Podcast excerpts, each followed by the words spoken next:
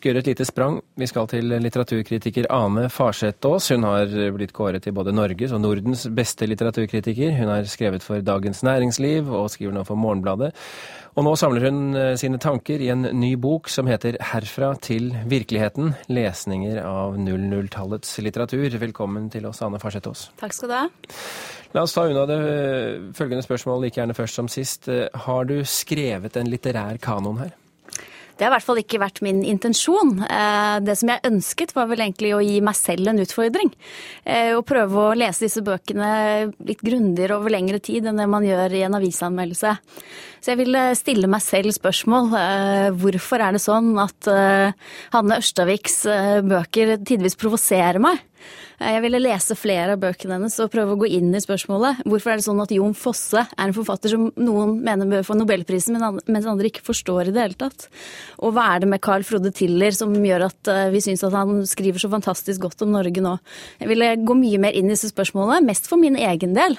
Du, du eh, leker også litt med tanken om at de, de deltar i en slags felles samtale? Ja, de gjør jo det. Særlig når, de, når man da, særlig den samtalen man fører i sitt eget hode som leser av denne litteraturen.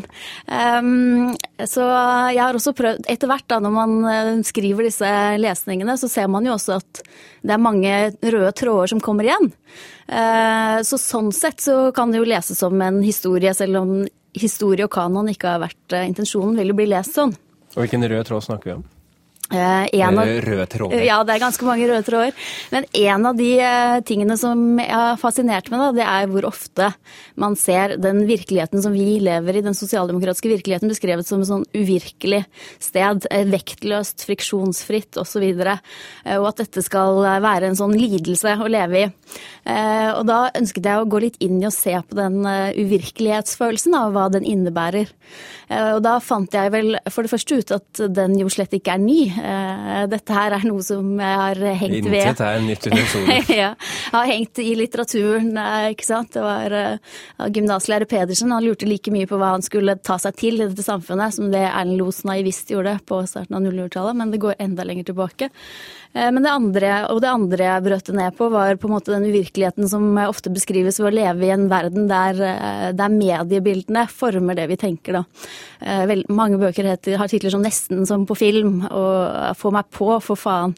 Og hvis du leser disse bøkene, så er det også veldig veldig ofte at dette er med å se, betrakte livet sitt gjennom et kameraøye, tenk om det kan bli som en film, det er også et veldig gjenkommende trekk ved den uvirkeligheten. Og for ikke slippe tak i Justin Bieber, altså det vi har sett i Oslo i dag, det kan jo beskrives som helt uvirkelig, men det er jo virkelig. Ja. ok, Marstein, Tiller, Fosse, Ørstavik, eh, blant andre, da. Hvorfor ble utvalget ditt av forfattere akkurat slik? Eh, det skyldes mest eh, personlig interesse, egentlig. Altså ikke bare de jeg nødvendigvis liker, men også de som eh, trigger meg til å stille intellektuelle spørsmål. Da. Som Ørstavik har jeg tidligere skrevet veldig kritisk om.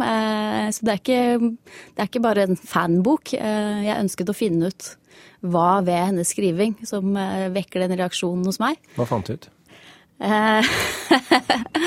um, altså det, det, handler vel om et syn på verden, da, et, et etisk syn også. Som, men som jeg fant ut at Hanne Ørstavik egentlig har utviklet seg veldig mye videre fra uke 43, og at egentlig alle bøkene hennes etter den kan ses som et oppgjør med den. Eh, du begynte å skrive om denne virkelighetslengselen i 2007. Var det et naturlig tema eh, det var lett å sammenfatte da? Det syns jeg. Det, grunnen til at jeg begynte å skrive om det, det var jo nettopp at det virket så aktuelt. At jeg hadde lest så mange bøker med dette. Og ikke bare, det er ikke bare hos eh, de som virker mest opplagt. Altså en sånn eh, konseptuell forfatter som Abu Rasul. Altså du kan finne det hos eh, Frode Grytten f.eks. All den siteringstrangen der, alt som handler om pop, film og kunst der, kan også ses som en sånn tese om at livet først er virkelig inni denne filmatiske virkeligheten. Da. Så det syns jeg var naturlig på mange måter. Eh, men så etter hvert så var det jo sånn at dette her eksploderte jo fullstendig. Eh, det er jo det vi har hørt om de siste årene. Liksom, når Knausgård lanserer sin Min kamp, så er det jo nettopp for å komme nærmere virkeligheten. Han, fortelleren, føler seg uvirkelig, og for å komme nærmere virkeligheten så skal han si den fulle og hele sannheten.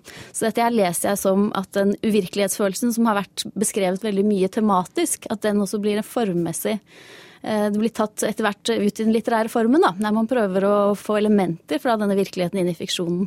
Det ble vel eh, litt formmessig kluss for deg også, for uh, du var et sted, og så dundret altså Min kampbøkene inn på scenen i 2009, da du allerede nesten hadde skrevet ferdig?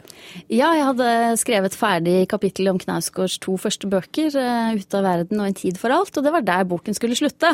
For den skulle slutte med at hovedpersonen tar sine lengsler og sine problemer og liksom løfter dem opp i en stor sfære av engler, engler en himmelsk sfære. Eh, slik en tid for alt er utformet som en fantasi om eh, engler. Eh, men sånn ble det jo ikke. Isteden så havnet du i navlen til Karl Ove Knausgård? det gjorde jeg. Så da måtte jeg på en måte vente til dette um, utopiske virkelighetsprosjektet hans var fullført, ettersom det lå så i kjernen av problemstillingen, da. Føler du at du har klart å sammenfatte 00-tallet litterært sett? Eh, jeg tror nok ikke det går an å sammenfatte det i én bok eller i én samtale, men jeg har i hvert fall eh, gitt noen forsøk, noen bud, som andre kan eh, få lov til å diskutere videre. Hva, hva ønsker du å oppnå med denne utgivelsen? Jeg ønsker å bidra til et kritisk ordskifte om litteraturen. Jeg ønsker gjerne å få reaksjoner på lesningene mine og komme i dialog med andre lesere. Um, og så ønsker jeg først og fremst uh, å få tenkt videre selv også. Det har vært viktig for meg.